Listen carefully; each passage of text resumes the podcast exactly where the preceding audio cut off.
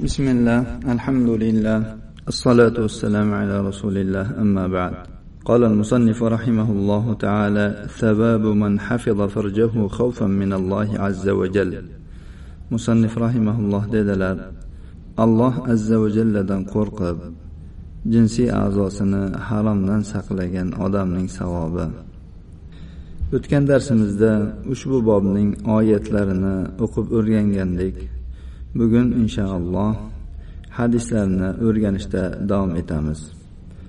وعن سهل بن سعد رضي الله عنه قال قال رسول الله صلى الله عليه وسلم من يضمن لي ما بين لحييه وما بين رجليه أضمن له الجنة رواه البخاري سهل بن سعد رضي الله عنه در رواية قلنا رسول الله صلى الله عليه وسلم أيدلال kim menga ikki jag' suyagi o'rtasidagi narsani va ikki oyog'i o'rtasidagi narsani kafolatlasa men unga jannatni kafolatlayman imom buxoriy rivoyatlari ikki jag' suyagi o'rtasidagi narsa til ikki oyoq o'rtasidagi narsa jinsiy a'zo وعن ابي هريره رضي الله عنه قال قال رسول الله صلى الله عليه وسلم من وقاه الله شر ما بين لحييه وشر ما بين رجليه دخل الجنه رواه الترمذي وقال حديث حسن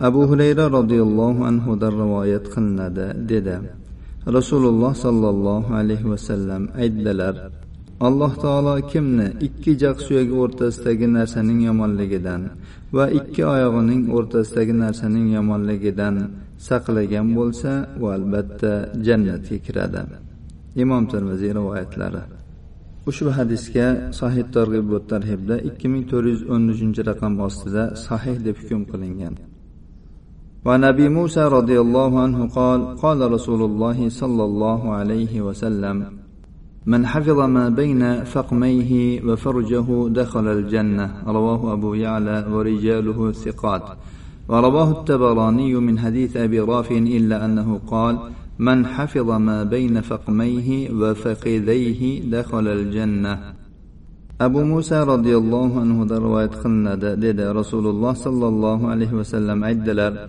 كم ikki jag' suyagi o'rtasidagi narsani va jinsiy a'zosini saqlasa jannatga kiradi abu yalo rivoyatlari tabaroniy ham ushbu hadisni abu rofiydan rivoyat qilganlar. Bu hadisda kelganki kim ikki jag'i o'rtasidagi narsani va ikki soni o'rtasidagi narsani muhofaza qilib saqlasa u jannatga kiradi. Rasululloh sollallohu alayhi vasallamdan ikki jag' suyagi o'rtasidagi narsa bilan ikki son o'rtasida ikki oyoq o'rtasida yana bir hadisda bevosita jinsiy a'zosini deb keldi. Bularni hammasida shu narsalardan harom ish qilib qo'yishdan ya'ni til bilan g'iybat namimat birovlarga tuhmat shunga o'xshagan ishlarni qilib qo'yishdan saqlashga kafolat bersa alloh taolo uni mana shu til yoki farj va ikki oyoq o'rtasidagi narsaning yomonligi yoki uni haromda ishlatib qo'yishini kafolatlasa uni saqlasa deyildi. Bularni hammasini evaziga jannat deyildi. Jannatdek eng oliy alloh taoloning mukofoti mana shu ishni qilganlar uchun mukofot ekan. Demak bu juda ham ahamiyatli narsa. Inson muhofaza qilishi qiyin bo'lgan narsalar. Rasululloh sollallohu alayhi vasallamdan turli mazmunlarda bu xususda hadislarni vorid bo'lishi bu narsaga jiddiy e'tibor berishga chorlamoqda. Insonlar e'tibor bermasdan tiliga erk berib oladi quyida yoshlar haqida ham hadislar keladi. Bu yerda faqat zinoga deyilmayapti. Farjni faqat bu jinsiy a'zoni zinodan saqlash emas shahvatni o'zini halol bo'lgan xotinidan tashqari har qanday yo'l bilan bu shahvatdan forig' bo'lish haromdir. وعن المطلب بن عبد الله بن حنطب عن عبادة بن الصامت رضي الله عنه أن رسول الله صلى الله عليه وسلم قال اضمنوا لي ستا من أنفسكم أضمن لكم الجنة. اصدقوا إذا حدثتم وأوفوا إذا وعدتم وأدوا إذا اؤتمنتم واحفظوا فروجكم وغضوا أبصاركم وكفوا أيديكم. رواه أحمد وابن حبان والحاكم. مطلب بن عبد الله بن حنطب ubodat ibn somit roziyallohu anhudan rivoyat qiladi. Rasululloh sollallohu alayhi vasallam dedilar sizlar menga o'zlaringizdan olti narsani kafolatini beringlar. Men sizlarga jannatni kafolatlayman. So'zlagan paytingizda to'g'ri so'z bo'linglar. Va'da qilsangizlar vafo qilinglar. Sizlarga omonat berilsa omonatni o'z egalariga qaytaringlar. Jinsiy a'zolaringizni muhofaza qilinglar haromdan saqlanglar. Ko'zlaringizni haromga tikishdan saqlanglar. Va qo'llaringizni harom ishlarni qilib qo'yishdan tiyinglar. Imom ahmad ibn hibbon hokim rivoyatlari. Ushbu hadisga sahih targ'ib va tarhibda ikki ming to'rt yuz o'n oltinchi raqam ostida hasanun g'oyrihi deb hukm qilingan. Bu yerda rasululloh sollallohu alayhi vasallam olti narsani kafolatini so'radilar. To'g'ri so'zlik va'daga vafo qilish omonatga xiyonat qilmaslik jinsiy a'zolarni harom ishlardan muhofaza qilish. Jinsiy a'zo orqali inson o'z shahvatini qondiradi. Qondirish faqat shariat ko'rsatgan yo'l bilan bo'lishi kerak. O'zini halol nikohiga olgan ayoli bilan hozirgi zamonda. Undan boshqa bironta yo'l yo'q.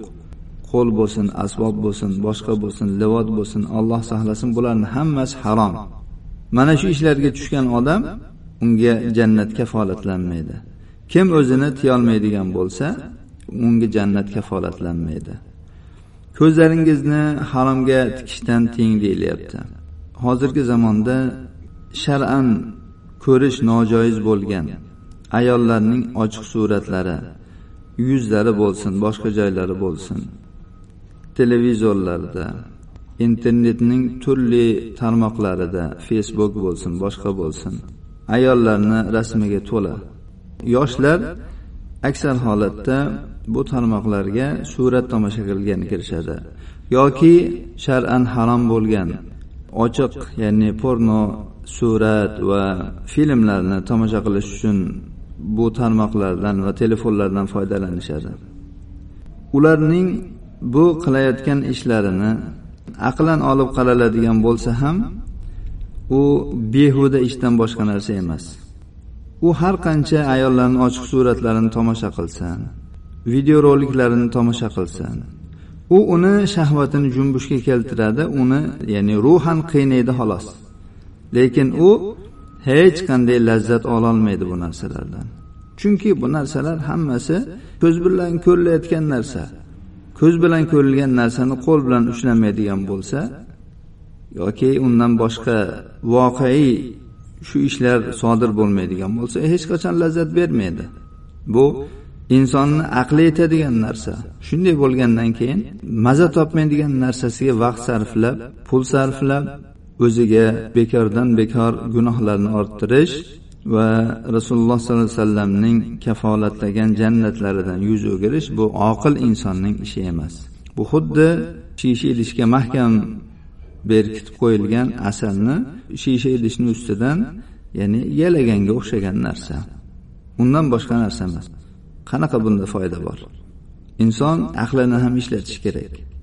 Shariat aqlga muvofiq. Shariat aqlga zid emas shariat qay bir narsani harom qilgan bo'lsa albatta uni halol yo'lini ochib qo'ygan.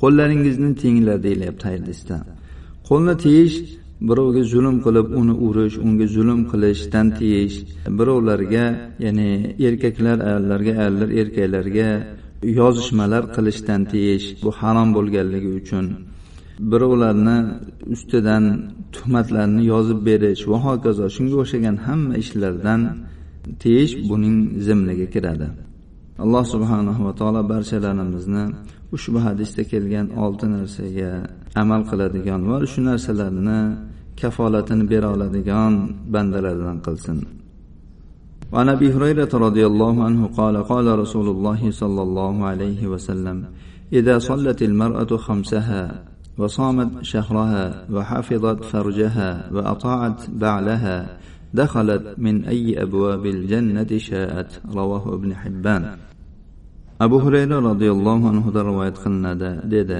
rasululloh sollallohu alayhi vasallam aytdilar agar ayol kishi besh vaqt namozni o'qisa bir oy ro'zasini tutsa jinsiy a'zosini haromdan saqlasa eriga itoat qilsa jannat eshiklaridan xohlaganidan kiradi ibn hibbon rivoyatlari ushbu hadisga sahih targ'ibot tarhibda ikki ming to'rt yuz o'n birinchi raqam ostida hasanul g'ayrihi deb hukm qilingan وعن ابن عباس رضي الله عنهما قال قال رسول الله صلى الله عليه وسلم يا شباب قريش احفظوا فروجكم لا تزنوا ألا من حفظ فرجه فله الجنة رواه الحاكم وقال صحيح على شرط البخاري ومسلم ورواه البيهقي ولفظه في إحدى رواياته يا فتيان قريش لا تزنوا فإنه من سلم له شبابه دخل الجنة ibn abbos roziyallohu anhudan rivoyat qilinadi dedi rasululloh sollallohu alayhi vasallam aytdilar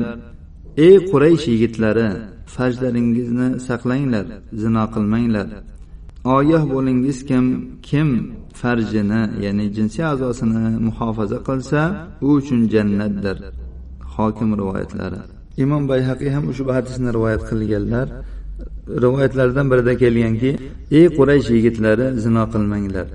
Kim uchun uning yoshligi salomat bo'lsa ya'ni zino kabi harom ishlardan salomat bo'lsa jannatga kiradi.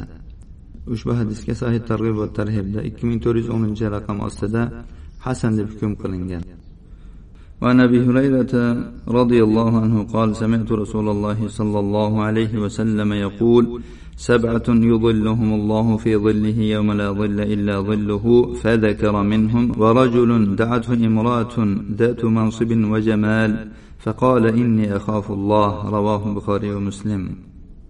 Abu hurayra roziyallohu anhudan rivoyat qilinadi dedi. Men rasululloh sollallohu alayhi vasallamdan shunday deyayotganlarini eshitdim.